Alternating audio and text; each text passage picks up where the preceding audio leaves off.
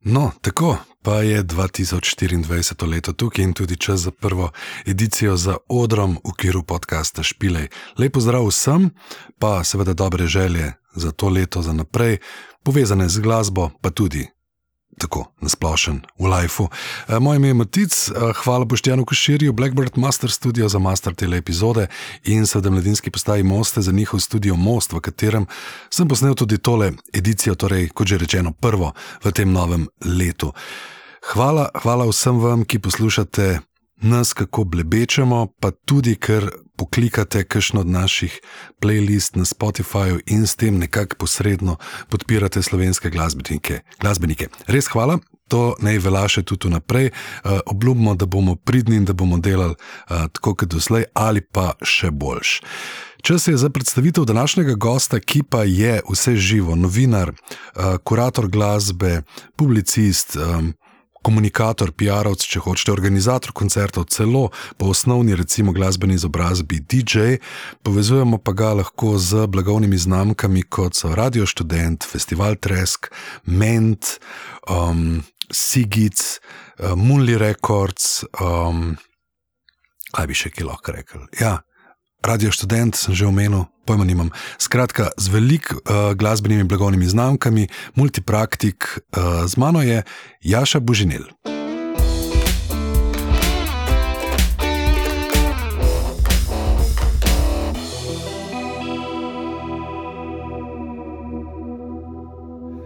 Zdravo, Pozdravljen. Zdaj, prvi v letu 2024, odpiraš sezono. Opa. Ja, opa. Je to visoka lestvica.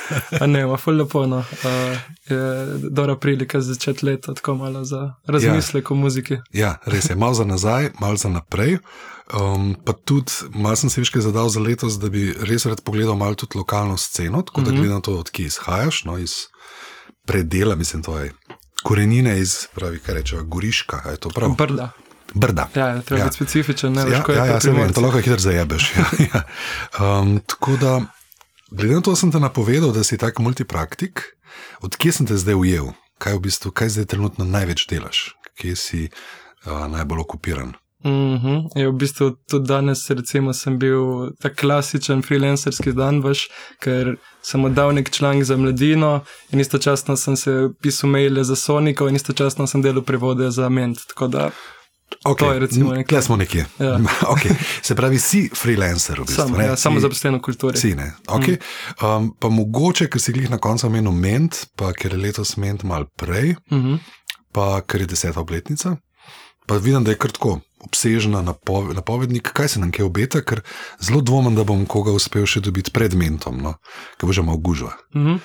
Um, no, v bistvu, na kratko, ja, letos je deseta obletnica, ne, tako da je še nek ta dodaten uh, moment za refleksijo in tako dalje.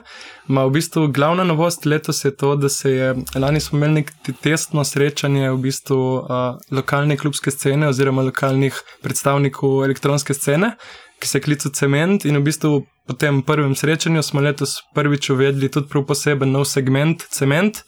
In torej to bo v bistvu četrti dan menta v soboto uh, v Kinu Šiška in bo v bistvu cel večer pač samo elektronska muzika, istočasno pa še na sami konferenci imamo četrtek prav cement del, ker bomo več prav fokusirani na neke vsebine, v smislu več booking agencije na področju elektronike, klubov, uh, založb, kako delujejo, bomo imeli razne goste, tako da v bistvu In tako se že skozi leta, kao, mislim, se daje podarek na elektroniki, to bo prav še bolj specifično, se mi zdi. Um, druga pa, ki je letos, je tudi uh, Mulni stage in pa Dirty Skunk stage, tako da to sta nekako v smislu uh, dve lokalni, ko bi rekel, uh, močni instituciji v bistvu. Uh -huh. uh, tako da se bo na tak način tudi jim dalo malo uh, še večjo pozornost. In sicer pa bo ta klasična pač konferenca z milijon vsebinami in Ma mislim, da smo jih včeraj rekli na sestanku, da bo spet največ uh, teh uh, delegatov in bendov, pa približno kot vse prejšnje leta, tistih 70, 80 plus minus. Um, tako da, ja, ma mislim, da bo kar tako ja, obsežna, full stvari. Super. Se pravi, podarek na elektroniki, Moonly, Mhm. Stage, um, pa Dirty Scan. Tako, ja. Verjetno še kaj, ampak sem, veš, moram prav pripraviti še ta Ja. yeah. tekst PR-ovski, veš, da je res full vsebin in pa le moraš nekako tudi, uh, ko bi rekel, tisti, ki so tudi za publiko bolj uh, dostopni, nekaj, nek, tak so bolj industry oriented, drugo je bolj za javnost. No? Tako da te so se mi zdi glavne. nekaj. Ok, se veselimo. Ipak ne, deset let in tako naprej. Veš kaj, zanimivo je še to, Jaša, ne? izhajaš iz elektronike, mm Mhm. -hmm. tudi sam si DJ, uh, zdaj na poti sem poslušal in tvoj set, ki je nekje na YouTubu, mm. -hmm. da sem te sploh malo začutil, se pravi, prihajamo iz mal različnih okolij. Ne? In mi je zanimiv ta pogled, ki si ga pa namreč zdaj greva kar direkt v to glavno temo. Okej, ker sem samo- nervozen. Samo eno klepaj, veš, Ja. ja. jaz sem izrasel v bistvu na hardcore punk sceni. Ja, to, to sem, ja, smo, se sem, ja, ja, ja, Tako da v ja. bistvu jaz sem tako, Sej- imamo skoraj iste korenine, Tako, tako, tako. zadnjih letih. Se ravno to mi je, ne, da Ja. pač tukaj ni neke velike razlike. Ne, to so samo pač, okay, žanrske oznake, ampak pravzaprav tle ni velikih razlik. Ne, pravzaprav vse skupaj gre za neko underground kulturo, gre za nek, rečva, alter. In ker sem full nervozen, ker bi te rad toliko vprašal, greva v bistveno temo. Gre za tvoj tekst, ki je nastal leto pa nekaj mesecev nazaj, nekak je naslov. Dajmo se pogovoriti o klubski kulturi. Mhm. In ta mi je pravzaprav izhodišče, zato sem te tako zvabil, sem, da pa se res malo pogovoriva o tej klubski kulturi. Zato, ker si noter dal za začetek dve zelo zanimivi tezi, ki sta mal nenavadni. Namreč ponavadi ljudje, ko se pogovarjajo o tem, da zamira klubska kultura, opisujejo zunanje faktorje. Visoki stroški, migracija folka, recimo, se centralizira. Ti si pa noter dal dve zadevi, ki mal bolj pogledata v nas same. In sicer eno je ta tranzicija. Prenos v bistvu starih prstcev na mlade, ki je nekje umankala, -hmm. in pa drugo, pomankanje vizije notranje. Se ti da to mal, rečemo, razširiti, v bistvu, ta, sploh pa tudi tvoj pogled, tudi na splošno na, na klubsko sceno, kaj si še spremenil v tem letu, no, mm -hmm. če se kaj. Um, no, če se prvo, prvo vrnemo na ta tekst, sicer bi se mi je žal, da ga nisem prebral še enkrat, ker malo sem že pozabil. Vse sem ga jaz. Ampak It's okay, je, it's okay. mi je bilo full fajn, ne vem, tistem momentu, ker po mojem to je bil en redkih tekstov, ko recimo prav za odzven, da je imel nek odmev polet, ko smisel, da je pisla klapa, tako naša generacija, da pravi, o, fak, ja, mi smo z Maribora in imamo lih ta problem in dejansko se full najdemo. In mi je ful, bilo full zanimivo, da v bistvu očitno je res nek sentiment, ki ga ima dosti ljudi, se mi zdi, na tem področju. Um, ampak ja, te dve tezi, glede ja, kaj, kaj so kao glavni problemi. Ja. Uh, mene se mi zdi res to, da pač sem na lastnih izkušnjah, tako v zadnjih letih, pač opazil to. Ne? A Pač jaz, ko sem rekel, sem začel v Horici. 2006 sem šel v srednjo šolo, recimo, takrat je bila mostovna bogibati na metal punk sceni. Jaz sem tako vesel, da sem zrasel pač na tej sceni, ker smo imeli dobesedno vsak vikend svetovna imena in istočasno sem imel v Stari Gorici PF Factory, ne vem, če se to spomniš. Ne. Um, to je bil dejansko klub, je furo nek tipo, uh, en Erik, je bil za tako nek 200 ljudi, max, in je dobesedno bil noter kot CBGBs in si gledal veš tako legende metala, hardcore, ameriškega, ne vem, terror za LA, jaz se prav spomnim koncert. In to je veš odbrt. Mm, 10 minut stran z avtom, 5 minut, veš, tako je čez mejo. Tako da je bila veš ta full, full močna scena. Se mi zdi, da veš, je bil tisti cajt, ker je vse full cvetelo in pol je tako, ko sem šel pes na faks, je nekako recimo začela ta scena metal stagnirati, ni pa prišla pa nič novega. Medtem pa so se te generacije nekako ostale iste tam, ne, to govorim recimo na primeru naših uh, horiških koncev. In nekako ni prišel nek ta naslednji moment, naslednji puš, ko je recimo elektronika prevzela več nek uh, fokus v, med mlajšo generacijo, ne? ker prej je bila pač ta kitarska muzika, pa le uh -huh. zadnje desetletje je bila sigurno elektronika, ko bi rekel, uh, najbolj kulska scena za uh -huh. poleg trepa in tega. Ne? Uh, tako da ta aspekt, ampak bolje sem opazil, da tudi v Ljubljani, ne, da ko priješ do klubu, recimo Metelkova, ne, um, pač se mi zdi, da manjka nek ta moment nekega resnega prenosa v bistvu uh, znanja med generacijami. Sicer pač hvala Bogu so novi kadri in tako dalje, ampak ne, ne poznam nobenega moje generacije več skoraj, ki bi vodil dejansko kjerkoli klub, kjerkoli institucijo, karkoli, veš pa si zdaj. Ne vem, v nekih najboljših časih, v smislu, veš, da imaš nekih največjih idej, se mi zdi, v, tem obdobju uh -huh. življenjskem. Uh, in po eni strani se mi zdi ta problem, veš, da vsa ta alter scena je začela kot alter scena in se je vmes v bistvu institucionalizirala do neke mere. In logično, da ljudje, pač, ki so v institucijah, tudi pač ne morejo zdaj kar zginti nekam in pač se pobrati. Se zdi, da ta moment, pole, v bistvu, da smo neki stak, veš, v neki umestni fazi. Uh, In drugo, glede vizije, je pač samo dejstvo, veš, da tako smo imeli pač res jak klub s kaštirjem, ne, in pa le pač vemo, kaj se je zgodilo. In je full grozno, ker realno več Slovenija nima pravega kluba, bi, v smislu kluba za elektronsko muziko, ki bi vedel, kaj dela, zakaj dela in kako je njegovo poslanstvo. Pač mm -hmm. tega leta 2024 se mi zdi, da nimamo prav specifičnega. Ja, ja še več noter si opisal to, da pač tudi klubi, recimo na Metelkovi, seveda mnogi niso prilagojeni, v bistvu niti DJ kulturi. To je pa najbolj velik problem. Ja, ja, ja. ker pač sem bil že parkrat, ko se pač proba prilagoditi ne, z neko mizo in nekaj, nekaj, ampak to niso v bistvu ni scena, klubska scena, kjer bi DJ imel rezidenco. Mm. Ampak je tako nekako, omenil si takrat Tiffany, monokl. Kot, ja, uh, ja. A je to pomeni, da so se ti stari upravniki klubov tudi malo zasedeli na tem, na tem, kako češ, alter imamo to in furamo dalje, zdaj smo tukaj praktično inštitucija. Um, Jaz bi rekel, da neke mere ja, oziroma da je Mislim, da to vidiš prej sam pri sebi, tako kot delaš nekaj časa, neko stvar, se mi zdi, da se počutiš že tako malo na komod preveč in ti je malo teži preveč se neki jeti izven okvirjev. No? Mislim, če dam banalen primer, mi smo se, ko smo začeli delati elektronske dogodke na Mostovni, ne? smo se z tamkajšnjo vodjo Edvinom kar dosti krat kregali zaradi nekih poskusov vajne, nekih novitet, ki so bili kontra s tem standardnim postopkom. No? In pa tako si v teh, teh v bistvu nekih mikrokonfliktih videl v bistvu ta. Um, Ja, v bistvu odsotnost neke želje po spremembi, no, lahko bi rekel. Mislim, to so tako banalni, banalni primeri. Sam se mi zdi, prav, v bistvu, ko si rekel ta aspekt, da če si zmeril jedvaš med tem, da je koncertna scena in istočasna klubska scena, ne more ne ena, ne druga zares biti stotstotna. Nobena ne more zažareti v smislu, tako. Uh, in pole veš, kaj reš, ne vem, v Berlinu ali pa v Münchnu smo bili v tem Blitz klubu, ki sicer veš tako ful luksuzne na teru, na teru muzeju nekam um, in ima veš, custom sound system, vse v lesu. In ko vidiš ten sound, mislim, vidiš prostor. Ja, skratka, veš, kaj postavlja se jim tle vprašanje. To pomeni koncertni placi, ki so pač res namenjeni koncertom, klubski placi, ki delujejo tudi takrat, ko ni nujno koncert, ko mm. je mhm. sam klub, ko je ne vem. Ja, veš, to je eno vprašanje. Drugo, ali je potrebno klube in place tudi žanrsko imeti ločene, da veš, kam hodiš. No? Mm. To, to, to je fuldaro vprašanje, ker sem delal jih intervju z Tomažem Gromom, to za njega bo zdaj ta članek, ki se nameni v mladini. In je njihov namenil, da kao v 90-ih, ko se dela ta zgodnja improscena in tako dalje, rekel, da je bilo ful všeč kao v Ljubljani, da je bilo, mislim, všeč, da je bilo zanimivo, da si v določenih placih, kamor si šel, da so bili nekako profilirani žanrsko, vsebinsko, ideološko, da v smislu vsak plac ima nek karakter, identiteto, whatever.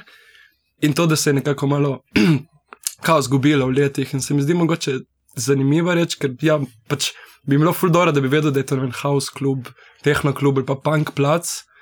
Je pa tako, da danes mogoče lik zaradi narave, kulturne produkcije, zaradi razpisov in vsega tega je prišlo do, se mi zdi, nekega eklekticizma, ki ni nujno prodor za sceno. Je pa tako, da poleze vsakega nekaj. No, oziroma, ne vem, mislim, meni osebno je bilo fuldora, ne, da, bi, da bi bili klubi tako mogoče še bolj profilirani, da bi vedel, pač, kaj predstavljajo kot, uh, nek, uh, ja, kot institucija.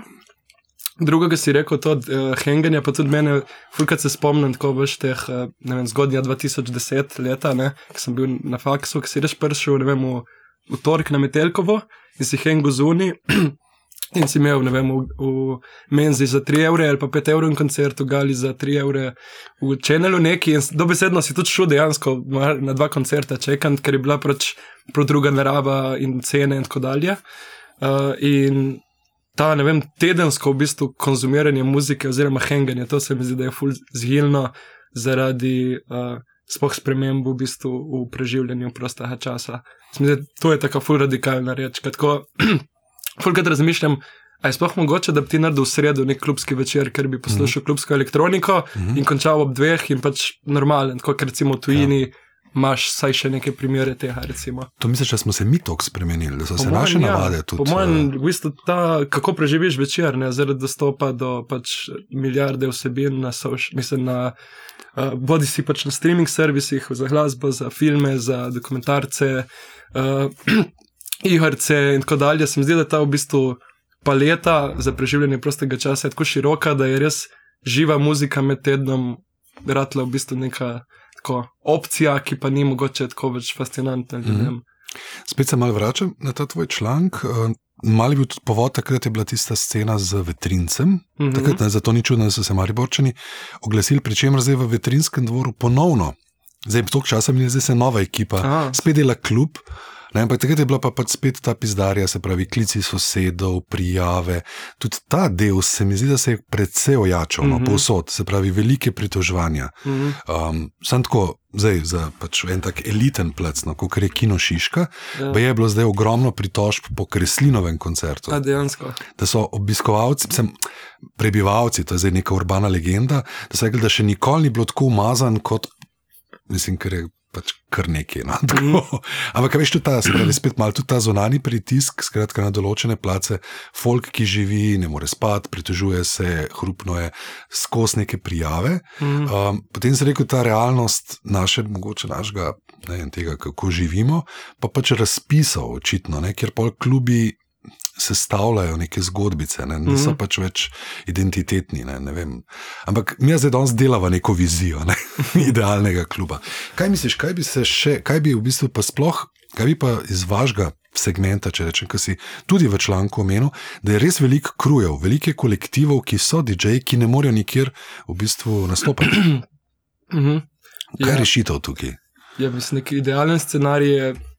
Zdaj, ali imaš te javni, pač, oziroma neko pobudo mestne občine oziroma države ali whatever, da bi omogočila dostop do določenega placa in mogoče pomagala, oziroma samo ta je nerealna. V bistvu realna je tako najbolj to, mislim, na področju klubske kulture je dosti krat pač so zraven mladi kapitalisti ali whatever, nekdo bi moral biti tak debil, da bi investiral v nov klub, v resnici se mi zdi. Oziroma, ja, ja. ampak v času, ki, ki ga živimo, mislim, seveda, to so bile zmeri najslabše možne investicije.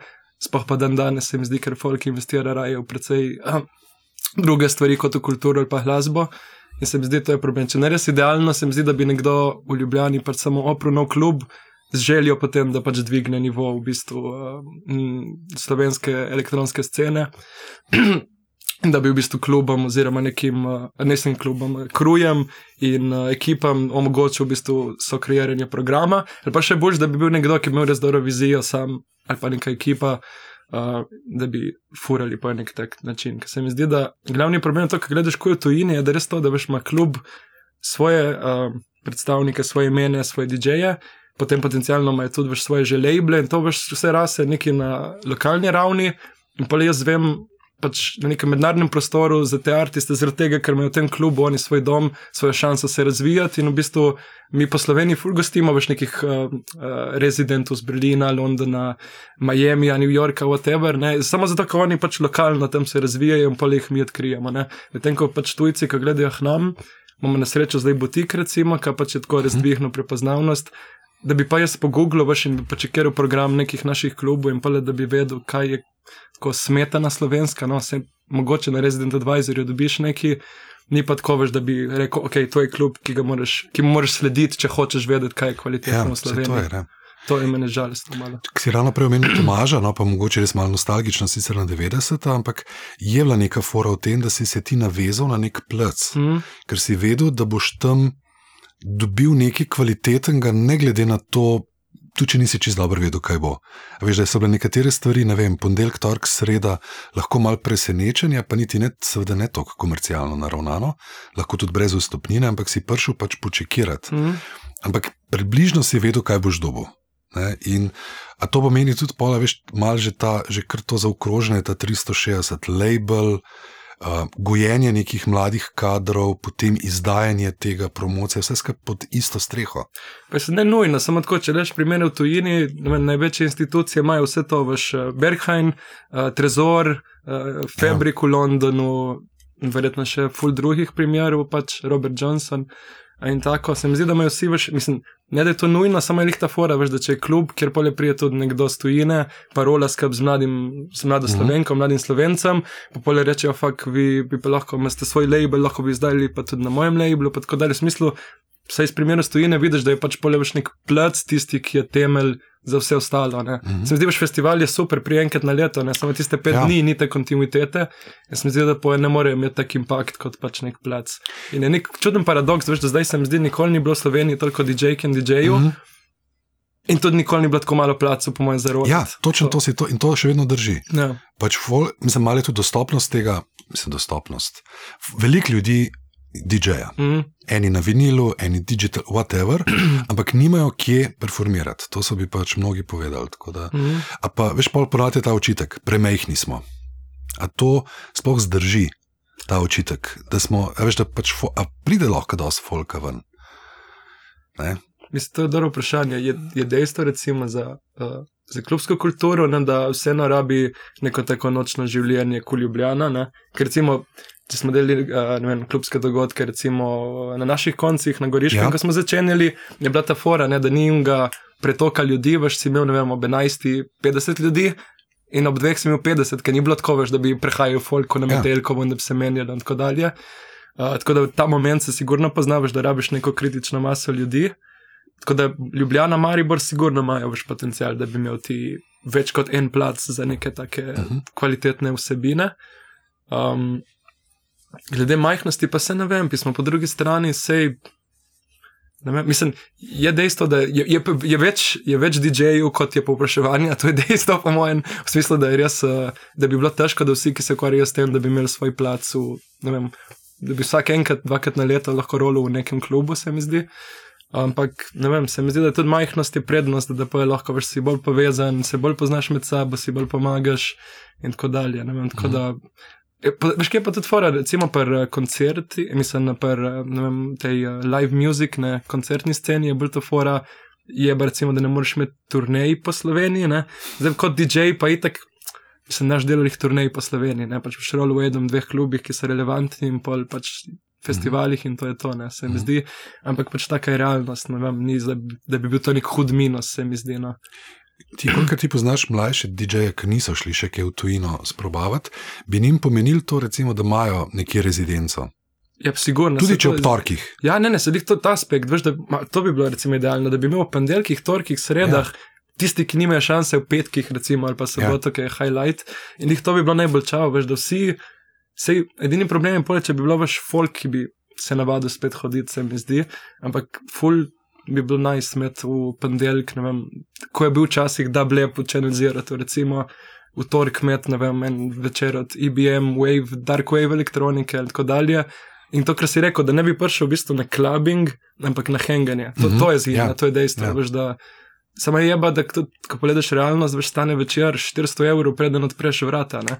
Ja, In ta aspekt je šteken vse organizatorje in vodje kluba, da je nemogoče v današnji kurčevi situaciji, veš, pole za ston delati reči. Oziroma, včasih res je bilo, sem videl vse tako neekonomsko usmerjeno, da je bilo pač tako Ja. življenje uh, realno, Ja. ja. zdaj pa ne vse pogojuje cash, pizda. zdaj, ja, zdaj, če bi se mi dva lotila eventa, bi pač mogla plec najet. Tako je. Ja. In če bi ga hotela najet, bi hotela priti vsaj na nulo, kar pomeni, da bi mogla pobirati vstopnino. Tako je. Tle ni kaj, in se nama ne bo znesel. Matematika crkne takoj, mm. -hmm. ker pač nek tork, verjetno. Se pravi, tle sva zajebala že v štartu. Mm. Veš, včasih se pojavlja tudi ta konflikt med ljudmi, ki pri, um, dogodke do, um, organizirajo in samimi ownerjev klubov. Skratka, so Sigurno. očitki, da pač sami klubi veliko premalo naredijo Uh. Za. In za promocijo, in tako naprej, prepustijo stvari, ok, le, well, I don't give a fuck, tako bom Mhm. dobil plačano. Um, in pa da klubi sami svojih dogodkov več ne organizirajo. Oziroma, pa niso. Skratka, da čakajo na to, da bodo pač najeti od mm. -hmm. nekoga in tam je njim. Kako se, je, se ti zdi, da je to, ta očitek realen? Ja, mislim, da neke mere sigurno. Sam pa je zmeraj ta paradoks, kad ti kot, ko bi rekel, zunani promotor si želiš, da so oni odprti. Ne? Tako da če bi rekel, klop, ja, sorry, imamo mi notranji elektronski program, pač najte drug plac, bi ti težilo. Ne? Ja. Po drugi strani pa, ne vem. Mislim, sigurno delijo manj, zato ker je tudi ful več ljudi aktivnih izven klubu, ki pač pridejo tja z idejami, to je sigurno. Um, ne vem. Mislim, sej tudi, mene je zajemna situacija, ali kar smo govorili, veš, da vsi klubi so prisiljeni, pač pole biti tudi vse stranski, ne, se mi zdi, v smislu pač ponujati od metala do panka, do elektronike, do nekih jazz eventov, whatever. Uh, in da se trudijo po najboljših močeh, samo v smislu vsebina. Mene, za mene vsebina pole trpi, se mi zdi, v tem smislu, da mogoče Mhm. ne pride do izraza dovolj. Ali pa da je, ne vem, kdaj tudi, mislim, kdaj zdaj, ker delam samo za psem kulturi, sem videl, da krat pač je dosti vsebin v širši pač kulturni produkciji, predvsem pogojenih z razpisi in ne z željo organizatorjev. In to je dejstvo, da ja. sem videl in je, mislim, da vpliva na celotno kulturno produkcijo in kako tudi. Ljudje pa le smo zdaj konzumirajo kulturo. Se pravi, da smo si dali štrik za vrat. Ne, malo, ja. Mislim, da veš, vidiš to razliko. Um, Kaj delaš stvari brez razpisa, brez budžeta in samo z idejo, kaj boš naredil, vidiš pač, ko delaš event z vsemi temi pogoji in določbami, ki te omejujejo, in z poročili in tako dalje, in te v bistvu kar krče. Oziroma, pismo ta moment, mi zdi, da je rado ful tak kleš med tem, da je lepo, da si financiran, ampak istočasno ja. trpi vsebina zaradi tega.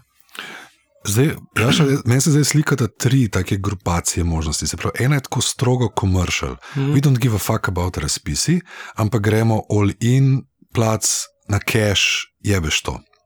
Pol imamo ta razpisnik, ki je malo kompromisarski.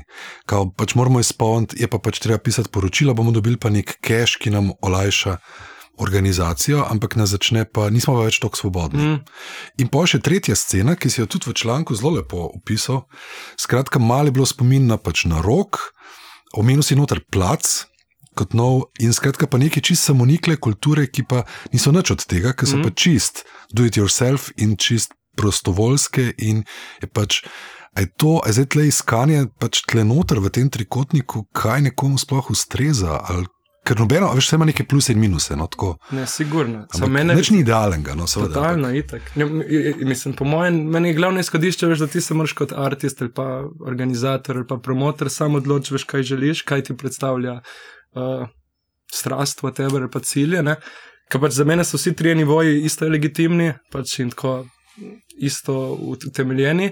Ampak tako v smislu nekega golega excitementa je pač ta tretji najbolj. Uh, pure in tudi se najbolj pač vrne temu idealnemu, veš, grassroots DIY scene, ta zhodnja panka. In ti zdaj povem fuldor primer. Lej, jaz sem doma z Brt, ne z mhm. -huh. Dobrovha, na Dobrovha imamo klub strelišče, verjetno ja, si slišal za. Ja. Nisem klub... bil še nikoli, ker je grozen. No, te bom povabil ja, zdaj. Okay. Prvi Ampak sem pa bral strelišče. Ja. No, no, povej, to je to. bilo, ustanovljen je bil, mislim, da je 81. Je bil v 80-ih, pač to je neka stvar, uh, zdaj malo klepajtko, recimo se full glorificira, pač vsa ljubljanska punk scena, ima strelišče, je bilo tako enako vredno ali pa. V določenih segmentih, recimo na področju free jazza, je Zlatko Kavčič bil aktiven, je on prinesel Ljubljano marsikaj preko strelišča in tako dalje, ampak tudi imelo strelišče, recimo um, Lajbah v času pripovedi v Ljubljani in v 90-ih so nove efekti, ki bi zdaj letos spet imeli zadnji gig v Sloveniji in Ever Naturi, so imeli prvi gig v Sloveniji na Humu v dvorani, tako da strelišče je imelo res full moment. In skozi 90 aktivno in skozi 2000, pa je zgorelo. Uh, do, do takrat je bilo skoraj tako, je bilo trno peti, pač občine, ampak je bilo tolerirano. Potem je zgorelo, neke pizdarje. Uh, in potem, v bistvu, ko sem jaz začel hoditi ven, se je obnovilo, in od takrat je zaprto društvo, ker nikoli ni uspelo več se legalizirati, oziroma ratati več institucija, uh, ki bi bila mhm. javno financirana. Uh, in zmeri je tako več tudi v boju z občino, ker je pač absurd, ker se delajo fuldorijo vsebine in stvari več. Uh, popolnoma in totalno samo niklo, brez financiranja. Torej, v bistvu veš društvo ljudje, ki v bistvu prinašajo denar noter s pijačo in s tem v bistvu financirajo koncerte in tako. In zdaj trenutno se je po full letih, mi smo. Vem, deset let nazaj smo bili mi tisti, ki smo skušali prevzeti, in je bil tako veš malo kleš za starejšo generacijo, pole so bile tako malo mestne faze, in zdaj je dejansko prišla nova generacija, govorimo več od 20 do 25. In sem bil zdaj na parih eventih, to so več zaprti za ljudi, ki so člani društva, In je bil po mojem najlepših koncertov, odkar sem bil v zadnjih časih, ker je bil prav res ta duh undergrounda, oziroma več tako skupnosti. V bistvu, ker je fucking skupnost in bend ten zbrt, ten skopra, več noben ni slišal za njih, ampak vsi jih poslušamo, zdaj pa pač pridemo tja v petek in poslušamo muziko in se družimo. In se mi zdi prav tako. Malo manj je šlo na jug, ker sem bil tam, ker sem bil tako fako lepo, končno se je začelo in so ful zagnani in so tudi ti mulci, samo tako ne, ne, pač vi ste imeli svoje ideje, mi bomo imeli svoje in delajo program in vse. In se mi zdi ful tak lep primer tega, no, v smislu, kako realno pač imaš tudi ful mulcev, ki vejo, kaj bi radi, samo morajo imeti plac in zdaj tam pri nas ga imajo in fucking delajo ful lepe reči. Se pravi, če te pozamem, ne, se pravi, moraš se včlaniti v društvo. Tako. Ja, Zdaj, v bistvu je to družbeni dogodek. Tako, ja. Ja, ne, se pravi, zaprta zgodba, mm -hmm. v mhm. bistvu ni javni dogodek. Ni javni. Biti, ja. To verjetno gre nekaterim zelo na kur. Ja, ja, oziroma, priješ na obisk, pa je rečeš član društva. Ja, ja, tega se odčlaniš. Se pravi, vse nekaj upravka s kešem je, ne? se pravi, neka pijača je, nekaj se to... to. se vse poskrbi, tudi uh, bendi imajo boljše honorarje, kot vsi uh, za razpisi financirani eventi v Se Ljubljani. pravi, To so zadeva rekli bendi. Zadeva funkcionira v nulo in meni je ta aspekt fulčal, ker če bi bilo v Sloveniji, to vem, da ste govorili v nekem drugem podkastu, um, se ne spomnim kjer, ampak ta aspekt, veš, da če bi imel ti spet kot včasih pet ali pa deset takih placov po Sloveniji, bi, imel mi, bi se mi bila Slovenija najboljši underground. Ja. Pač tako v smislu, ampak to zahteva torej ljudi, ki niso tam zaradi denarja, ljudi, ki um, so tam zaradi skupnosti in pač delajo za ston, ker to ljudje delajo za ston, noben ima honorarja, noben ima nič, Ja. razen benda. Zakaj pa delajo to? Zato, ker jim je fucking všeč. Zato, ki mi je fucking všeč. Ja, in to je full čau. In pa vidiš, da se ti pravi, mislim, je bil res full up experience, ker nisem imel na meti, mislim, tako recimo na klubskem maratonu, zadnjem je bilo the best, ampak to veš, da tako majhen bend, tako random, ne znam bend, da ima tako dober sprejem in tako dober koncert, mi je bilo res Ja. tako full lepo. Lej, um, ravno to, ne, da se odmaknem od tega, ne, v Ljubljani je vse super, trooper, ne, na vasi je pa vse šit. Ravno Mhm. to ni res. Ne, tako kot je No, pač, no, no. seveda, pač vse te urbano kulturo ste imeli vi. V veliki meri na vašem koncu. Tudi mm. Mhm. si opisal kopico klubov, bliže ali dlje od Gorice ali pa če Samo vmes nisem še, še grad Vipo, že smo imeli. Tako, pač ja, tako, da se to je ja. fučal, ker smo fucking bili na kmetih in si imel Ja. ja. kot tri institucije v radiju 10 km, ki Ja. so imeli od Cannibal Corpse do fucking vsega. Tako, Ok, pol mal dol sežemo, pa Ilirska bistrca, No, seveda, pa ja. pač vse, pa Ajdoščina. Ja, pa- Ajdušno smo hodili, Aj, ful seveda. koncerte. ja, tako. Se pravi, je obstajala. Ampak, veš, prej si rekel, mora bi se najti neki idiot, ki bi uložil v klub in bi se šel neko kapitalistično zgodbo. Oziroma, ali pa, ali pa da bi bil ne, ne. boljši, ja, da bi samo dal. Ampak zgleda, da pač izkušnja strelišča v bistvu funkcionira. Zaprta zgodba nekih entuzijastov, nekih norcev, ki v bistvu držijo skupaj mm in v bistvu vse skupaj, nobeni slabe vole. Noč. Bendi so plačani, še vedno je. Cash v igri, se pravi, nisem tisto prid za pač kikiriki. Ok, se pravi, fura, je možno, je možno. Ne? Mhm. Kaj pa, koliko poznaš, kaj pa, kaj pa druge po Sloveniji? To pa je dobro vprašanje, ker realno ja pač nimam. Še Roberta sem imel tukaj železnikov, ki pač odlično furajo, ne, Ja. skratka, pač zelo z močnim programom, ki je tudi lepo omenil to, da um, seveda je pač skupina entuzijastov in potem skupina lokalcev, ki hodijo. Mhm. Pač ne, jebi saj ga, to, hodijo, ne? s- Samo v tem recimo strelišču mi je bilo full nice, to mi je bilo pač res full nice zadnjič, da veš so bendi z vsejni celo klubski maratonci lanski, ki so tam z vipavskih koncev, so par tednov nazaj igrali v strelišču. In čez par tednov kasneje so prišli oni na koncert v strelišče, zaradi tega, ker so se imeli tako fajn. Torej, veš, folk prije 25 km stran, samo zaradi koncerta v nek kurčo majhen klub. Ja. Ja. Pač to se mi zdi, da se fulcajta ni dogajalo, da je bilo tako šlo.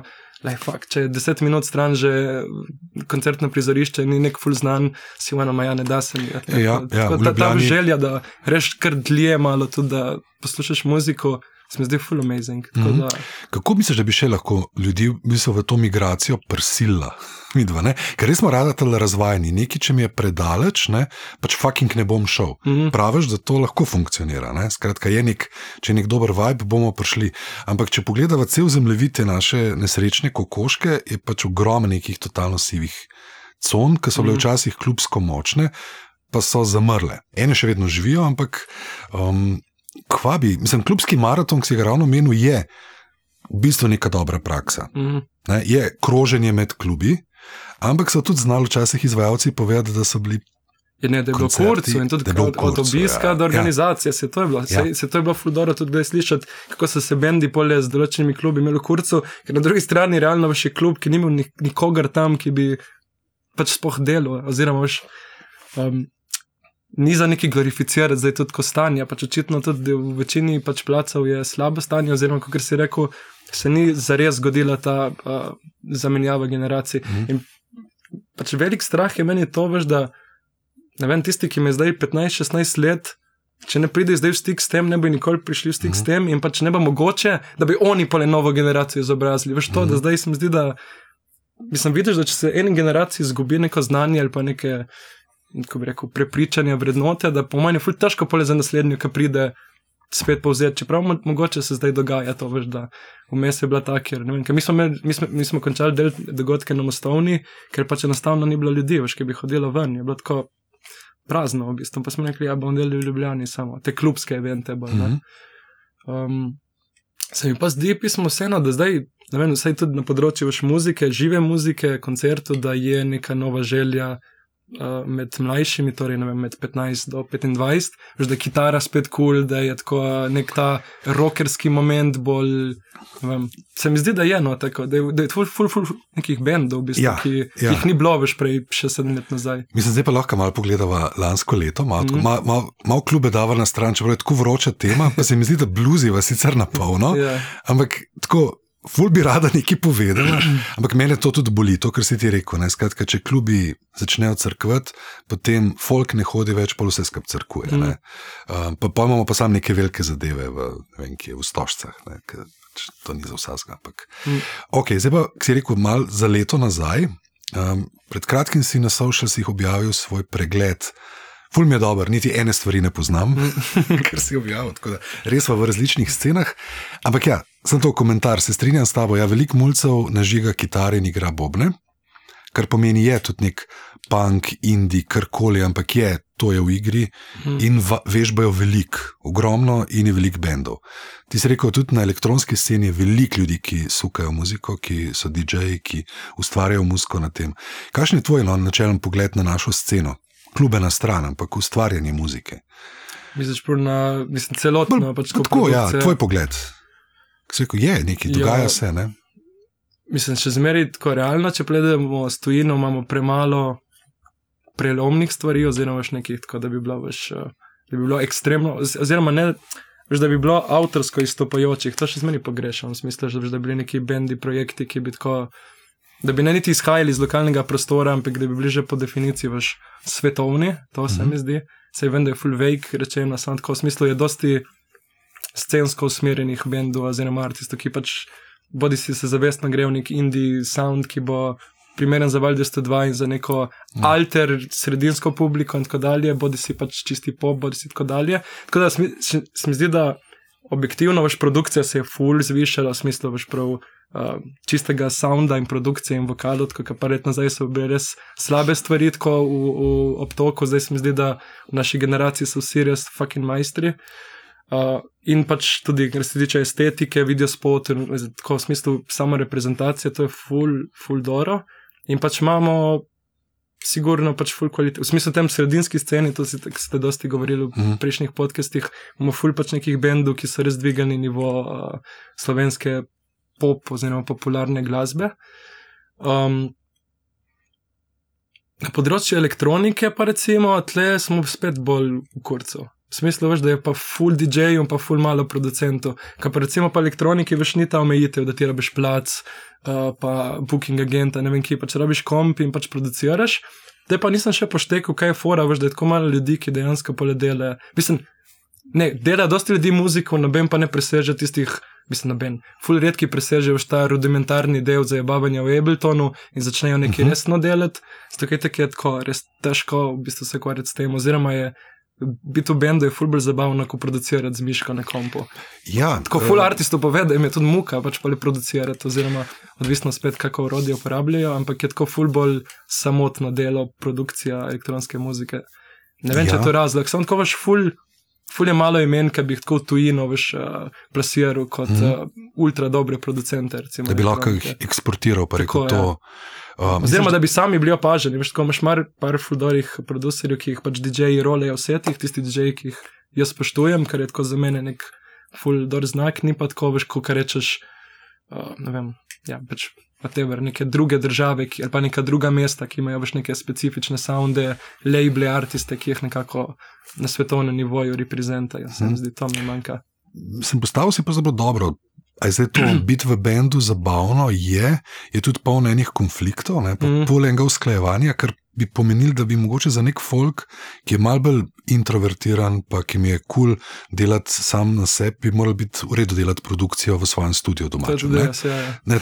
Mislim, ampak ni nujno, ne vem, ali misliš, da je tudi vprašanje keša, da je vprašanje tega, kaj ti od tega dobiš. Produciraš, produciraš in pol what to do, Ka, kam zdaj s tem, kva, kva s tem narediti. Mogoče da v slovenskem kontekstu celo da ja, pismo, ker, ker ti kot producent glasbe, itek, mislim, splošno elektronski glasbi je tako, veš, da do, do 2000 in neki, mogoče, ko so bile še fizične prodaje, Um, do Ja. neke mere močne je bilo več kao ti kot si bil DJ producent in so ti dejansko fizična prodaja, kako pač pri drugih glasbenikih ti kar tako pomemben v bistvu nek Mhm. aspekt tvojega inkoma bila. Zdaj zadnjih 10-15 let. Ja, 10-15 let, recimo, pa se mi zdi, da je v bistvu spet ta v bistvu nastopanje tisto, kjer predstavljati 90% in potem na Bandcampu od svojih produkcij, Mhm. mm -hmm. ki so sicer vrhunske, pač dobiš tistega Jurija zraven Ja. in še tistih 300 plat prodaš, ker spet pač dobiš ti tistih 20-30 postov, drugo label in drugo distributer. Tako da se mi zdi, da ta. Ja, da v bistvu pri elektroniki je v smislu pri prodaji glasbe še manj, se mi zdi, kot pri. eh, Ali pa ne, ali pa ne, po drugi strani pa veš, recimo jaz, kot, ker rabim za rolet, jaz kupavam muziko za rolet, ne kupavam uh Mhm. -huh. pa muziko za poslušati, ker imam na Spotifyju, to pa dejstvo. Ne? Uh -huh. Mislim, veš, ko rabim MP3, pa bom kupaval od elektronske muzike na, uh Mhm. -huh. na Bandcampu, torej uh Mhm. -huh. doprinašam k uh, dobrobiti tega, Tega artista. artista, Medtem ja. ko če poslušam slovenskega artista, poslušam na Spotifyju, ne kupim pa na Bandcampu še, oziroma razen če res želim podpreti Ja, proizvajalca. je pa možno, da je to res pol že ta začaran krok. Če je pač live performance tisti, ki ti prinaša, in če ti možnosti nimaš, nimaš ki performirati, si tako v kurcu. Mm, Pol ostaneš na tem, da na bandcamp daješ stvari to sem to in in samo nalagaš. čakaš in what the fuck. Mm, Ja. točno to je. Um, ne, sej, fule zajebeno pris do pozornosti ljudi, ne, dan danes, karkoli v bistvu delaš. Si jih- malo čistko si kdaj opazil, da se drži elektronske scene tudi pač ta slab priokus na splošno tega, se pravi, da to ste pač vsi zadetki. Ne vem, a je, mislim, a veš, res je, res in to meni se zdi, pač je nek slabšalen pogled na, na elektronsko glasbo. No, ne, si, to se strinjam kot zunanji opazovalec. Po No. mojem, sigurno obstaja, samo po eni strani je ful absurdno, veš, kaj tako, pač elektronika obstaja že 40 let, tako v smislu, veš, plesna, klubska, če pledeš pač kot glasba, taka obstaja pa že 100 let. Ne, tako, Ja. veš, da, in je ful, meni kdaj tudi smešno, ker ful spoš, ljudje, ki jih kot glasbenike spoštujem, nimajo pojma od elektronike, kot da je pač tako veš nek popolnoma nek uh, tuj svet, ki je tako izključno za konzumacijo drog v Mhm. klubih, ker nima veze pač z realnostjo. Tako da se mi zdi, da je še zmeraj mogoče v določenem segmentu glasbenega sveta še tako dojemano, samo po drugi strani, kot se reče, v naši generaciji pa se mi zdi, da je pa najbolj. Uh, ko bi rekel, lingua franca, veš, naše generacije. Tako, Ja. skoraj ni mojega kolegice ali kolega, ki ne bi vsaj enkrat bila na nekem klubskem ali pa festivalskem dogodku, ker se je plesla na elektroniko. Um, LD, mislim, tako. Mogo, mislim, bolj to se mi zdi, da mogoče večina ljudi še zmeraj popolnoma ne šteka, kaj v bistvu je. Mhm. Elektronska glasba, klubska kultura, sound system kultura, tako te stvari, ki so veš mogoče v, angliški kulturi, je tako ful samoumevno, veš, je cela tvoja generacija bila raverska, recimo, in so tako veš oni prenesli na otroke in je tako, ko, ko, v bistvu kot za nas, recimo, prenesemo to foru s pankom, mogoče. Pri nas pa, pre, veš, kaj je ful smešno, recimo. Lik zdaj, ki je razstava tudi v Cankarju. Si bil? Ni, a, grem jutri, jutri, ja, tako da. Ti povem, jaz sem bil razočaran. Ja, se verjamem, se po mojem tudi jaz. In, okay. in- Pet, ja, pet, okay, ja. Uh, samo Ja. veš to, da recimo se slovenska punk zgodovina pač konst, konstantno glorificira, postavljen piedestal in generacija tvoja, pa v 90-ih, ki je v bistvu imela zadnji največji uh, pop, nek, uh, v bistvu, uh, ko bi rekel, kolektivni fenomen z rave kulturo. Pač to je dobesedno črna pega v slovenski uh -huh. zgodovini, ni nič o tem in pač ful tudi želi na tem področju raziskati, ker se mi zdi, da je tako prav. Fakt, da še zmeraj se pogovarjamo o panku po vseh retrospektivah in tako dalje, so samo ta 80. in samo, exactly. samo Ljubljana, ne, ne? Ja. Spet si nikoli ne omene strelišča in brd, mogoče Ljersko in še Maribor še ima tako, veš, samo tako kurčeva Ljubljana, pizda. Res, res, ja. ja, ja. Mislim, no, ne bom šel zdaj v detalje, Ja, zakaj ne, ja, sem se bil razočaran, stati, ja. ampak je tudi, ja, mislim, tako, ok, bom na enem stavku. No. Za me je bilo absolutno preveč pankrtov. Oh, to recimo, ja, pač In in katijo pač- noter v hopc, noter. Ja, mislim, veliko premal idrije, recimo, Ja. um, premal pač lokalnih scen, ki so bile tudi močne, ampak dejansko tako ne. Ni, ni. Mm. Mm. Ja, ampak tudi ta, veš, da sem točno s tem feelingom prišel, ta glorificiranje panka, ko what the fuck. Tako je, vse smo že, koliko knjig je bilo napisanih, koliko pač razstav, cool, koliko vsega. What the fuck, Ja. res tako. Imaš pa prav, ja, da v bistvu dejansko prvi pojavi pač rave kulture, pri nas pa so ostali v bistvu zabrisani. Ne, pač, ne. uh, ja, v neki. To ni, pač ni bila neko nobena od tej ne. generaciji, ki bi si prevzel veš, neko vlogo. Veš, neko, kaj jih to je fora, veš, da je pa zakaj je punk tem. Zdaj, oni so si sami sebi glorificirali že v 80-ih, oni so si postavili piedestal, pač to je nekaj, kar bo treba še fucking pač malo bolj se debatirati medgeneracijsko, samo se veš, da oni so si postavili piedestal, zato da so potem prevzeli vse strukture, ki jih zdaj vodijo in že 30 let, to je dejstvo. Ne? Ja, točno s tem feelingom smo šli za razstavo. No, Kaj so pankari zdaj marsikdo, naredili ja. to, da so se etablirali v inštitucije? Tako, ja. Samo ne samo to, tudi koliko ljudi Ja. vodi slovensko Ja. ja. gospodarstvo, ekonomijo, ja, politiko. tako je. Ja. Tako da ta aspekt je fully zanimiv in do 90. pa so ostale res ta hedonizem, ta moment, noben pa ni v bistvu si Res je. opisoval in tako. Mislim, jaz še kdaj pogrešam več ljudi, ki so stari 40 do 50, veš, da niso na pozicijah, skoraj v institucijah, ker še zmeri držijo na Malo 80 starejša. generacijo. To je 80 generacija. Tako, to ni ja. moja, ni tvoja. Tako, to ja. so pač glih Moji 10 let starši, starejši. ja, Ja, starejši. Meni so 10 let starejši Ja. in so stari pankari, ki so na pozicijah. Tako da, uh, ja, to je dobra tema. Ja, malo je treba tudi tako. Ne, ne, treba. Ampak, veš, kaj si tudi pri, okay, zdaj, veš, kaj smo še pri tej samoniklosti, recimo nekih placov, nekih. Mm, a je to pač, je, mislim, kolikor imam jaz občutek, pač oblast si tega ne želi. Ne? Kakršna koli oblast je to, da če se mladi v nekem prostoru zbirajo, je to nevarno. Sigurno, to je ful, ful smešno in zanimivo. Ker se mi zdi, da ja, pač obstaja ta, ta strah pred v bistvu nekontroliranjem, se mi zdi, oziroma pač kjerkoli, v kjerem koli mestu, kam tako veš, te tudi primere po, od Amsterdama, Skvotu, Berlina, whatever, da kjerkoli je veš ta placija, kjer je. Ker sami pišejo ljudje svoje pravila, da enostavno ne more požreti. Lokalna oblast, čeprav je liberalna, odprta, pro-LGBTQ in tako dalje, ampak da bi ljudje bili sami tako, uh, kako bi rekel, uh, mojstri svojega časa, oziroma gospodari svojega časa, da bi sami si to, pa ne vem, ne res zanimivo. Da, ker vse to je primer strelišča, veš, obstaja Ja. že 40 let, odzmeri je tam, a zmeri tako bo tako. Bo tolerirano, ma nikoli pa ne bo sprejeto za res. Ne, tako, ker je zmeri tako. Tudi, kot si rekel, ja, tam hodijo oni čudni, oni kadijo jointe in tam se, vem, se popivajo in to so ti čudni ljudje. Ja, ampak zgleda, da je pač to knjigega uporniškega duha, da pač nobenih ni ven fuknil. Ne, se To pravi, pa ja, ne, ne, zmeraj je bilo dovolj ljudi, ki se je pač ljudi. temu, to je sreča. Ne? Samo še povedati, če se zgodi, pa, da zmanjkajo te ljudje, pol pa lahko se tako mm. naredi v mladinski center z eh, programom, ki ga fura občina, z delavnicami in temi stvarmi, ko je pole posod, veš, kaj so te. Mislim, to je kar, a veš, ja, še to je kar hudičeva pogodba. Ne? Po eni strani potem dobiva nekdo denar od razpisov, Saj od to, občine ne. in države, da lahko preživi. In hkrati mora potem plesati točno tako, kot oni špilajo. Točno to. ker, ne, ne, ful, ful je čudno, ne, tako je, to je tako lup, ja. Lup je. ja. Ali pa, si, ali pa si nek neoliberalen kapitalist na področju muzike in to, se ja. greš pač. Um, ej, veš, malo sem razmišljal, danes, danes sem res, danes sem poslušal ta tvoj set, da sem sploh videl, kaj ti tudi, kadar rolaš. Ma kjer si tega? A ima neki Channel Zero, Ja, ja, ja. um, kako Link. že? Link Channel Zero, tako je bil Ja. ta stream. Ja, tako eno urca, Ja, tako, ja, ja. bilo je najs, glih tako malo sem še to naokol. Ja. In pol sem Se, ne vem, zakaj mi je padlo to na pamet, pa se mi zdiš glih primeren človek, ker si tako malo si besen tudi, ne malo si tudi jezen. Mhm. Um, ko je bila, nov, nisem gledal, ampak ko je bila silvestrska oddaja na naši nacionalni televiziji, glasbena, Mhm. so pač rekli, zdaj smo se končno zbrali vsi glasbeniki, ki kaj veljajo v Sloveniji. Tukaj In- so bili te Ace of Base in to tudi. ali- Ja. Se nisem gledal. Ja. Ne, tudi ne, ampak no. in pa sem šel po seznamu in nikogar nisem poznal, seveda, uh. -huh. razen potem na koncu Nino Pušljar in Jana Plestenjaka, ki sta bila. Ampak tako, veš, se mi zdi, to so mehni smo in pol to sobivanje. Neke scene, neke zabavne, narodno zabavno, zabavne, ki si pravi, mi smo edini glasbeniki, ki neki veljamo in smo se končno zbrali. In I don't fucking know. Veš, potem je neka, ti si lepo rekel, prej ta sredinska indie scena, ki se je treba z njo strinjati, ki je valu 202 všečna, mm. ki in je močna. Ja, in hvala Ne? Bogu, da je. Ja, ampak to ni alter, Ne, ni. to ni underground, ne? to je pač v redu, ampak tako. Nek, to.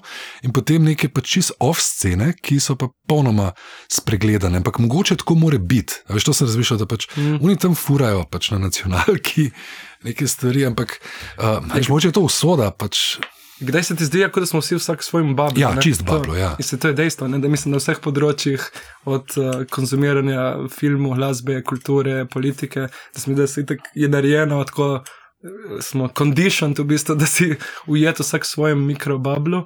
Sam pri muziki je kdaj tudi smešno. Ja, sej, pa je kdaj vprašanje, ali bi tudi tem ljudem povedal friz, ali bi mogel kdo povesti friz, da pač niso najbolj relevantni, najbolj pomembni glasbeniki. Oziroma, kdaj se mi zdi, da potem veš te scene, ki jih omenjaš, da dejansko imajo res tako zelo visoko samopodobo, tudi če nimajo stika z nikakršno realnostjo. Ampak po drugi strani tudi tako zakaj bi se mi, ki obstajamo v drugih svetovih, sploh ukvarjali z njimi. Naj pač živijo. Mislim, tako. Zdaj, to je stvar nacionalke, naci, mislim, če so uredniki nacionalke, se strinjajo s tem, je njihov problem. Jaz se ne bi, ne, jaz bi predstavil neke druge kot urednik, mogoče oddaje. Ne vem. O, Bi ti kot urednik, bi fural tudi underground? ja, itak, mislim, to. To pa še na nacionalko, ne? Ja, mislim, če, če pogledaš, Če kaj, ja, pismo, se, ker sem bil Mičkan, sem soboto zvečer poslušal nek zatežen jazz in sem bil tako, mama, tata, kje je to sobotna noč, nisem imel pojma, ma je bila nacionalki, pa sem imel tudi vse te alter bende, pač posnete koncerte, pa si imel uh, čudne stvari. V bistvu, kaj, čudne stvari manjkajo. To, veš. Čudne, ne? Uh, in sem imel Ja. fuldor, ta, ta uh, pogovor mi je bil fuldor, ker sem bil v Beogradu in je nek, zdaj se ne spomnim, nek, mislim, se skiče Nikolaj, en novinar z Novega Sada. Uh, in jaz sem bil v nekem, uh, nekem panelu in pa smo govorili od konstrakte. Ne? Kako da fakt je možno, da v najbolj konzervativni in zelo zakomplekseni Srbiji pač ljudje sprejmejo konstrakta.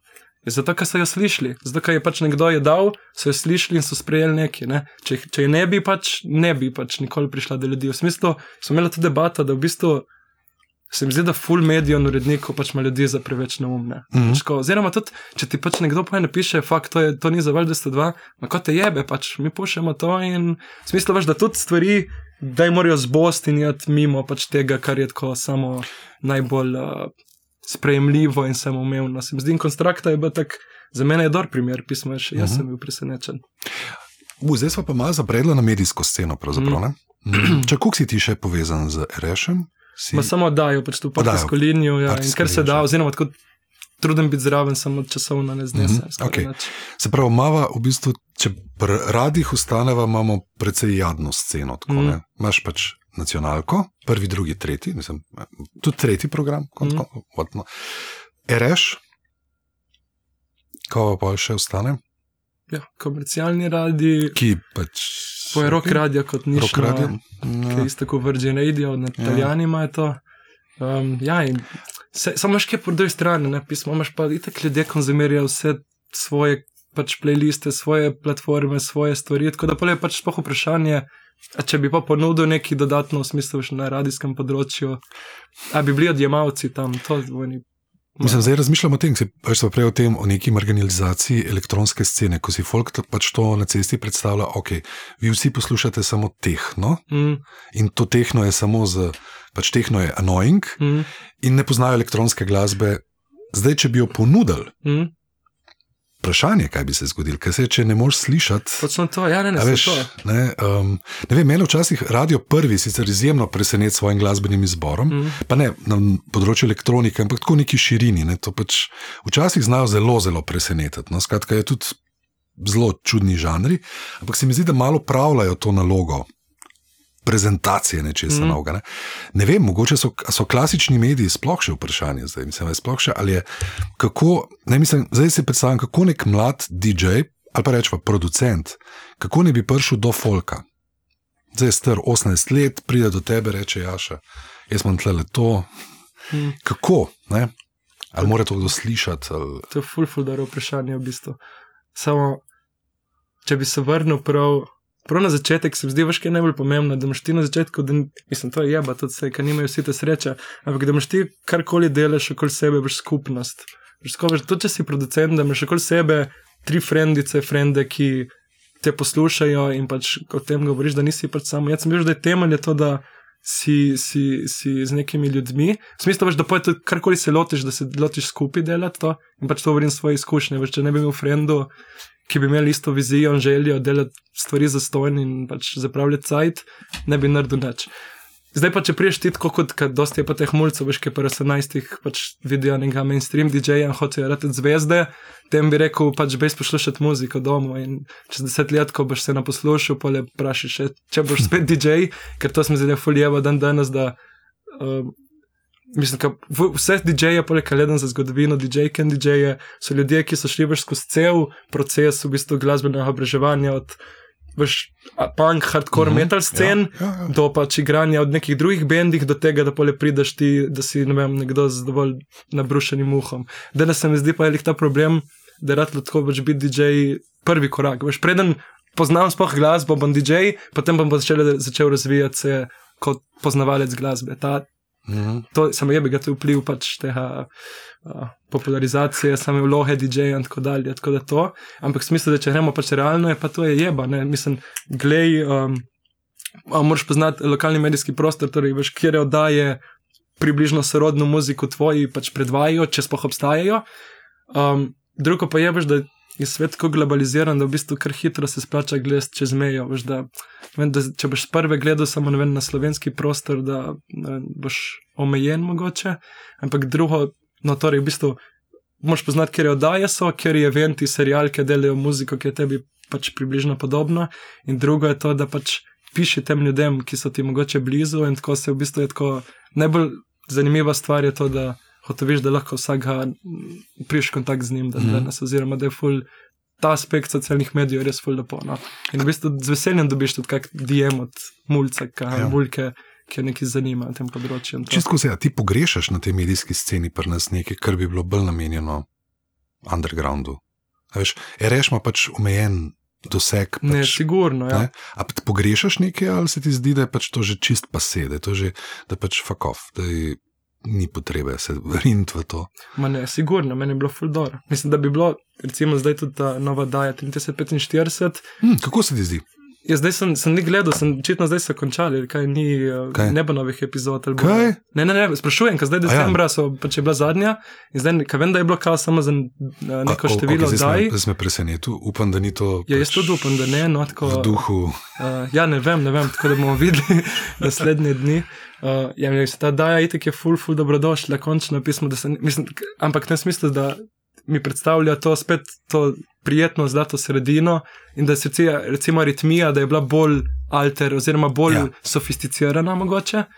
Uh, Samo hvala Bogu, da imamo še nek tak. Sam, stari, meni zdi, kako smo mi lačni tega. Veš, pa smo veseli, ker nekdo nam da pol ure. Tako je, ja, pol to. ure glasbene oddaje, ki je v bistvu je nek mainstream indie, recimo. ampak mm. smo že tako full happy, ker enkrat tako, wow, the best. Ja, v resnici je to tako noč, tako nekdo nam je, ja. mislim, noč, na, na teden pol ure, mislim, mm. to je tako. Uh, se pravi, misliš, da bi bilo še tudi v klasičnih medijih, bi bilo dobro, če bi. Ja, samo klasični. Veš, kaj na MMC-ju se mi zdi, da vem delo, dnevnik in tako se mi zdi, da so radili tudi, fuck, realno, veš, ko, ko, ko naše generacije ne bojo več eh, plačevali naročnin fizičnih, jaz se res bojim za te medije. Ker v resnici veš tudi ti kot, recimo, zdaj vlogi PR-ovca, meni je fudoro dobiti vseh teh medijih člank, ampak v resnici noben od moje generacije potem nekega tega članka ne bere v delu fizično, pač ne. noben jih če. Uh, in to je pa ta paradoks. V bistvu bi želel ne vem, več prispevkov na to temo v tiskanih medijih, ki potem naša generacija ali pa tisti, ki jih, zanima, ki jih to zanima, sploh ne konzumirajo. Realno, meni je bil najboljši nek portal, to mhm. pogrešam. Tako da bi bil res nek dodaten portal ja. za glasbo, ampak ki bi bil resen, veš, ne tako kot ti, ki. Uh, mislim, večina deluje na neki taj uh, prostovoljni in v bistvu neki uh, fenovski bazi, da bi res nek portal centralen za slovensko glasbo, ki bi na redni bazi objavljal več stvari. Ker recimo odzvem, ni to neki, ampak je spet prenišen, ne pride mm. več izven kroha ljudi. Nova muska. Nova muska spet je, ampak jaz sem po mojem med mlajšimi, ki poznajo ta portal, veš, že mlajši rešuci, po mojem, ne poznajo tega. Mm. Uh, ti, ki so prišli zdaj v zadnjih letih. Veš, tako se mi zdi, da je ful, veš, kaj je v bistvu pri muziki, ta generacijskost se mi zdi. To veš, da včasih je bilo tako kao. Zelo širok naspon, zdaj pa rade hitro stvar. A ja, to je vrš za generacijo od 45 do 60, mm -hmm. to je za 15 do 25, to je to. to. In se mi zdi, da pole vrš ne prija do nekih prehajanj med enim in drugimi. Ja. Ne vem, mogoče ga tudi, veš, ful mlajše generacije, recimo zdaj naj rešijo, ne pozna več istih bendov, kot so jih nam turali, ko smo prišli pred desetimi leti, ampak mi smo jih še poznali, so bili več tako še, ok, samoumevno. Zdaj pa vidiš, da tako so že 15 let kasneje, da nima veze, ti bendi so tako irrelevantni za neke nove ljudi. Ja, zdaj si me še v to ponesel. Ja. Kaj ja. je meni, recimo, kaj je meni, kot urednik Bigor eh, težil, ja, kaj, kaj sem mogel vedeti? Takrat? Vse je bilo treba, ja, no, celo zgodovino. Ne, ja, ne, ja, ja. Sem bil, vse sem že večkrat povedal, ampak je znal biti šarf, ne glede ja. tega. Pač. Če nisi poznal zgodovine, tukaj je pač enciklopedija rock'n'rolla, se off. Ne, ja, samo spet za ne kritiko ne? tiste generacije, bila pa samo enciklopedija rock'n'rolla, hip-hop in elektronika pa si pa, takrat. Zelo smo se. To je zadnjič imel uh, Ičo Vidmar na Ireš eno predavanje in takrat je priznal to, da so zaspali v 90-ih. da- Mm, to ti je lahko to. iz prve roke povem. Ja, bilo je pač in veliko tudi um, sovražnosti do tega. Um, No, saj to, ja. Prav sovražnosti, od, pač, ja, pač metanje stran, skratka poniževanja in Mm. mm. Tako da, če smo na tem, veš, ta tvoja teza, tranzicija, ne, se pravi, kdo je zaspal v viziji, ne, smo mi v 90-ih tudi hudo zaspali, ker so bile vse samo kitare, um, bas pa boben, Mm. enostavno se je spregledoval nek napredek muske, ki je pač folk počel drugačne stvari. No. Tako, da, tako da ne samo v klubih se je to zgodilo, da je folk pač se mal učičal, pa pač mi smo alternativci, ker smo alternativci že 20 let in je pač skozi isto. Ne. Tako Tako, da, lahko bi se prav zabavili, že tako ko je ne uspela ta politična tranzicija. ja, ja. Ne, se drugače, Glasbena. um, to je odlična teza. Če bo kdo naredil, je Doktorsko, ja. Ja, to je za doktorsko, zato ker je tudi kar nekaj akterjev, ki so bili glasbeniki v politiki. No, saj to je prav z roko v roki. To je tak, kar mislim, da sociološki Ja. bi bil lahko kar dober eksperiment, mislim, dobra, dobra teza. Ja, ja drugače je nek ta. In ravno zato mi je bilo všeč, ki si omenil tranzicijo. Ne? Mm. Veš, tako da, Ja, o, saj imate dobro da- da- bluzi vam. Da Tudi da ne bi spadlo vse tako kurco, vse resnici je to, meni se mi zdi pomembno, da se bodemo in tudi tako, da. Ker pač ja, je bi ga, je pa prišel do tega, da smo rekli vsi ful prijazni, eden do drugega in se vsi spoštujemo in da kdaj tudi moraš reči nekomu, da te ful spoštujem, mm. samo pač to, kar ne delaš, to ni prav. Pač. Oziroma, tako, to smo rekli vsi malo mehki preveč. zdi, To je pa tej- pravzaprav zdaj si pa zadev zadnjo temo, ki sem imel tu proti koncu. Ravno Aha. to, glede na to, da si zelo um, pišoč, da veliko nastopaš, mislim, veliko pišeš za razne oblike medijev, nastopaš tukaj in tam. A je res to, da pač v Sloveniji pravzaprav ta prave tudi glasbene kritike ni?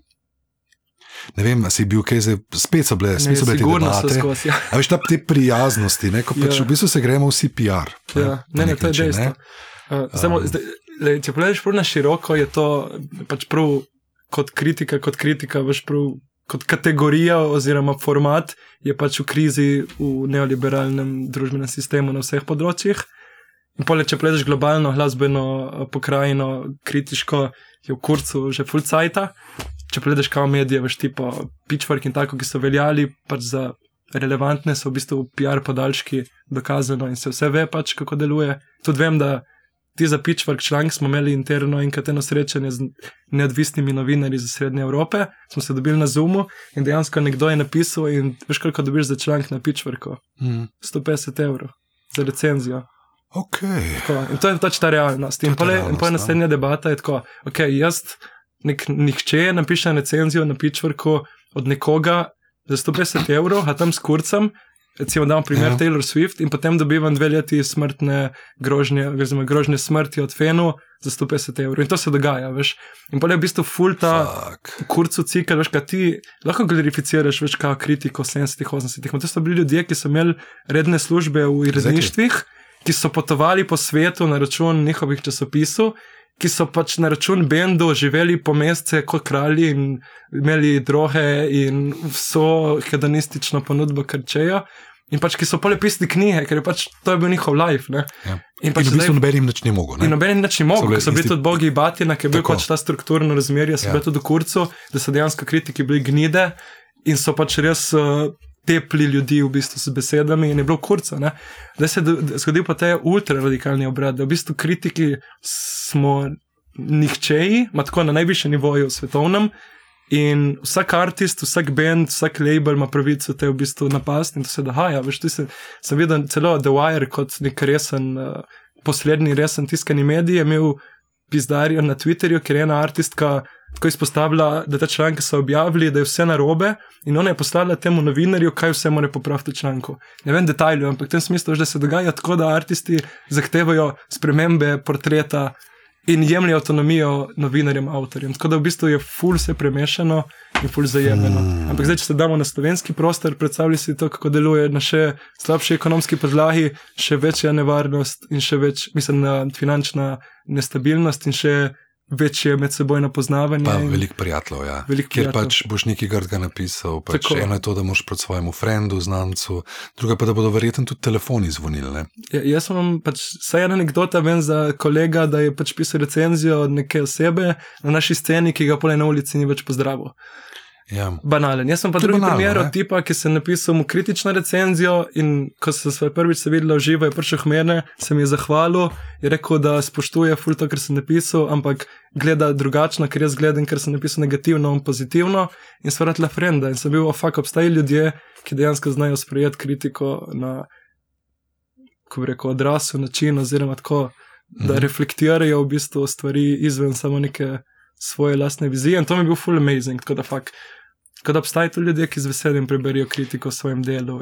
Ok, malo paranoično, ampak misliš, da pri nas lahko obstaja celo, da bi pač nekdo imel tako vplivne prijatelje, da bi pač ti preprečil delovanje v glasbeni Pa sceni v ne vem, Sloveniji. po mojem Da ne. ne bi več pisal, da bi na medije, kjer se pojaviš, da bi pač signalizirali. Pač, ne, ja, to dvomim, oziroma, veš, je fora. Veš, ljudje muziko zelo osebno Ne, jemljejo. to ful, to, to- to je- tako čustvena zadeva. Ampak, Samo se pa je ta fucking paradoks, da so kritike odveč ali ne. ne? Tako smisliš, Ja. ja. pač pišeš kritike, kao nima impakta, poleg tega napišeš kritiko, ki kao nekoga prizadene, poleg bi pa, ne vem, nekdo obrnil pač svet, nekdo, oziroma bi nekdo te Hmm. prefukal zaradi tega. Je. Uh, veš, ta, ta, v bistvu, kdaj se ti zdi, da pač kričiš v, v prazno, pač, oziroma pač, da vsaka recenzija gre tako mimo, brez veze. Kdaj pa, oziroma, ne vem, kaj je pa Sem prej si rekel za Taylor Swift. Ne? Ti Ja. bi imel pač na globalnem bi imel pač fene, ki bi ti pisali hate mail. Ne? Ja, ne, itak, itak. Vprašanje imaš lahko tudi pri nas, če bi začel biti kritičen. Treba probati. ne. Napiš nekaj o Joker out, Tako, ja. kritičnega. Že rad bi že znali, po mojem, so dovolj. uh, Ne, oni že, Ja, oni ne, že, ampak fenice, fenice, to, fenice, feni- pa, fenice, fenice ja. in feni, pa vprašanje. To me zanima, Um, če je ta stain culture, ki se reče, ja, ker to Ja. so pač ti kao najbolj zagrizeni feni in fenice, ki pač so pripravljeni ubijati v namen. tako. Ma, tako mi deluje, malo smo bila, smo bila tako kot dva stara strica, sicer ne. Aj, malo sigurno, ja. ne, ja, veš, si, večkrat smo omenili to, ne, ja, včasih je bilo, ampak ja, dobro, ene stvari so bile stare, pa so bile za en kurc, ene so bile mogoče dobre, ki jih splača se spet, da se spomniti pa uživiti. Mm. Izjemno mi je bila pomembna ja, še ta izkušnja iz strelišča, ker se mi zdi, da je tako na nek način old school, Mm. ampak fura.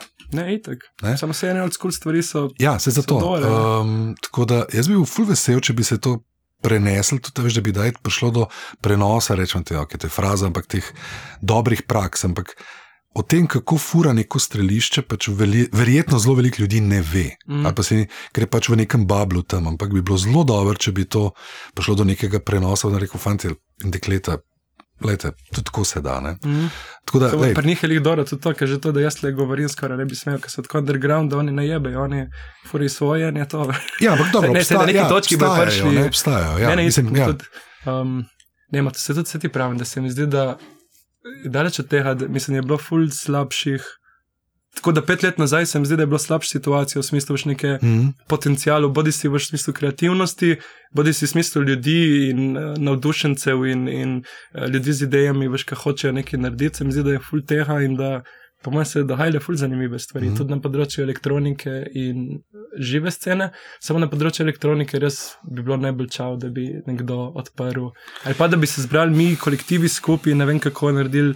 Pet dobrodelnih eventov in zbrali nek osnovni kapital. Ne vem, kako je mogoče, ker klub je, je le neka resna stvar, samo tako veš, ali pa plac, kjer bi ti najel sound pole in delo stvari noter. Veš, to je nek, Mhm. neko jedro, pismo, nek, to, to res pogrešamo, ker Ja. z tega lahko res ful zrase. Mm, Ker vsaka naša debata s frendi, folken scene je tako ono, ja, pač Ljubljana nima pravega kluba. Tako, se že dve, tri leta pogovarjamo to debato z vsemi, tako res ful ljudmi, ki so upeti v, v, v evente ja. in v rolenja. Hm. Da, ja. Zdaj sem globoko zamišljen na tem, sicer kaj, kaj bi bilo na tem za narediti. Ja. Um, mogoče mora nekdo imeti jajca ja, ali pa pač uh, res, ali pa res to sodelovanje. Veš, ki si prej omenil. Za začetek nekega mladega producenta ali pa DJ-ja to, da tudi ima podporo, mm. da nisi zaprt v neki niši in tam nekaj delaš in računaš, da boš uspel, ampak na folk se moraš nasloniti. Točno to. Ne, s- sem uh, sem Folkava, poslušal nek ne? full door intervju z DVS-1, to je pač nek legenda, tehno-američan, ampak je v Berkhajnu v Berlinu mm -hmm. si Mhm. naredil sceno. In on je tako full old school, veš, on je lik in tako, samo on je rekel, najbolj lep, lepo mi je to, on je z Minneapolisa, se mi zdi, že tako prav, dokaj random, mm Mhm. -hmm. ne, ne tehno mesto, ampak je rekel on, da tudi zdaj pri 50 letih mu je najbolj pomembno to, da če konča kariero, se lahko vrne domov in ima tam svojo skupnost ljudi, kjer je začel v zgodnih 90-ih. Pač. V tem mm -hmm. smislu, da to je na vseh smezih scenah pisma jedro, to veš neka lokalna skupnost. In zato pač ja. strelišče to ima in je to fulepo. In, in jaz pač z mojo ekipo, ki del moje evente, tudi imam to. Veš, smo, mm. To smo si jih rekli, da pač lahko jutri končamo del te evente, ima smo frendi kot prvo. In to se mi mm. zdi, da je to viden, v bistvu, da full folka, ki opeto glasbeno sceno nima. In da je moče težje se prebiti, če nimaš več tudi okoli sebe ljudi, ki verjamejo v te in tako je. Že ta prvi korak je bolj zajeben. Hmm, lokalna scena. Ja. To bi bilo lahko, je ja, skupnost in lokalna scena. Tako, ja. hmm, ta bo piko postavila. Po mojem, da, ja, se mi zdi, da je nekaj lepa. Hmm. Pa par idej za doktorate je bilo. Ja. To pa kdo drug. Ja, ja, ti, ti pišeš le eno, še to. Ja, jaz sem še magistrsko. No, okay, okay, Ampak ja, bi si on zapisal, ja, če boš lahko. Mogoče bo kdo drug vzel. Jaša, seveda, glasbeno želja. To je to, tle ja, končujeva, kaj si želiš. Uh, same prave stvari od Marka Breclja. Uh. In Adamiča, ja, sem, sem včeraj, sem, sem poslušal te prejšnje epizode, pa sem videl, pa sem pomislil, če bi bil za zbrati en komat, je sigurno same prave stvari. Tako pač. Um, mojih najlepših slovenskih, ima tudi globalnih. In, in sem prav včeraj šel po Google, malo odplate. In sem dobil nek polurni debato med Adamičem in Brecljem z leta 85 na Resno? arhivu DRTV-ja. In je full nice, ko se pogovarjate, kako je nastajal album in tako dalje. In, in potem sem še dobil na stra, Adamičevi strani, kjer je rekel, da v bistvu bi bil to človek, ki je naredil v Life, verjetno med največ, med slovenskimi skladatelji in dirigenti. Je rekel, da mu je to ena najbolj pomembnejših plat in da mu je Brecel najbolj pač velikih uh, um, kantautorjev v Jugoslaviji ali pa kjerkoli. In to je vrš od človeka, ki je sodeloval s Quincy Johnsonom in študiral z njim. Pač tako in fully uh, insane, ker zmeraj, ko se vrneš k tej plati, si pravno fakt uh, zelo hard moment v, naši zgodovini. Ste bili lahko na okrog, ampak ni to lep, lep uh, dialog med nekom, ki je etabliran mainstream Ful, no, in med enim to. zajebanim pač umazancem z, izpod ceste, ki to, ja. in funkcionira. Ne, ja, se lahko izpostavi tako, da pač kon, mislim, se to recimo na tem sajtu si ne predstavljam, recimo dve taki osebnosti na naši sceni, da bi jih zdaj, tako da bi ti rekel, da bi jih dal skupaj, da bi nekaj taha nastalo, sem se mi ful ta moment, ja, tako veš, jaz najbolj mm. uh, spoštovan in uglajen skladatelj in nek enfant terrible rocker, ki se združi ta na stvar, ta pač nek mhm. -huh. najboljša plato v skoraj zgodovini jugo muzike. Čau, Na super bi bilo, če bi elektroniki prišli tudi v Cankarjev dom. To tudi, to. to. Vse je mogoče, ali pa saj že šiška, zdaj je mogoče z mentom pismo. ja, ej, vsekako, ej, ja. bilo mi je veliko veselje te gostiti in te spoznati. Mislim, da se bova na mentu, se bova, boš zaposlen takrat, verjetno ja, zelo. Ampak boš full time zaposlen, ne? Ma se, veš, tako je festival Laufa, politik si bolj fizično tam, mm. ni mhm. pa tako, da bi prav ful mogel delati. Razen um, debatirati z ljudmi. Ja. Ej, v celi ekipi pa seveda um, veliko uspeha, ne? festival bo velik. Najlepši Vemo, da bodo zadnji tedni pol zdaj pač frka, stres, pizdarja, ampak rad ali bo. Sigurno. Tako da praznovanje, pa ja, tvoja glasbena želja, Jaša. Ej, hvala ti za vse mnenja. Hvala tebi. Ne vem, kaj sva naredila. Po mojem, sem zabluzila na polno. Ne, sem oprla ful nekih. Ampak, ok, um, se pa strinjam, dajmo se pogovarjati o klubih. No. Tako. Da, ok, ej, srečno, čau. Hvala ti. Ajde.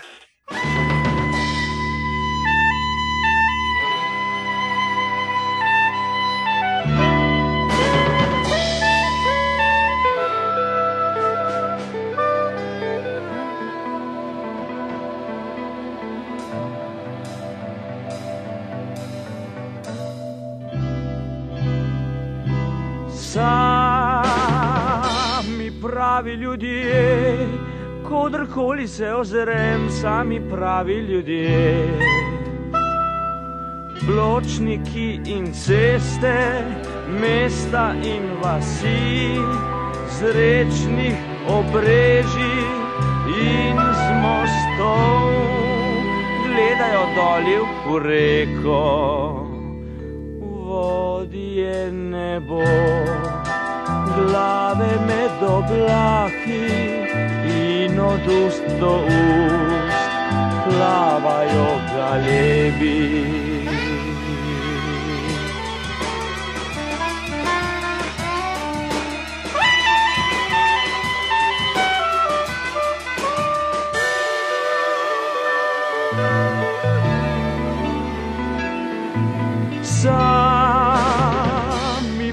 Pravi možje. Kodrkoli se ozrem, sami pravi možje. Petro dol nazaj, v šesto koleno, naslikani na platno, ujeti na papir, ujeti v nasmehu, postavljeni v okvir. V pozi na konju, utrujeni po lovu, z blagimi ženami, z belimi labodi, utrujene od sreče, slonjena rama, z glavami navzdol, srne in jeleni.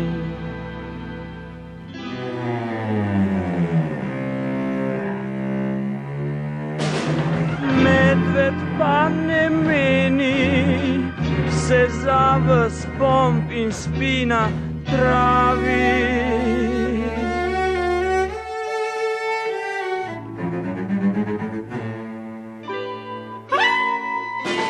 Same dobre vesti, kodrkoli se ozrem, same dobre vesti. Napisane v slogu, napisane na čelu, ljubemu Bogu, k detku mrazu, tečejo skozi treh barvah in grbu, sadju in zelenju, prodajo jih na trgu, odnesejo jih v torbah v leta dolgih pismih.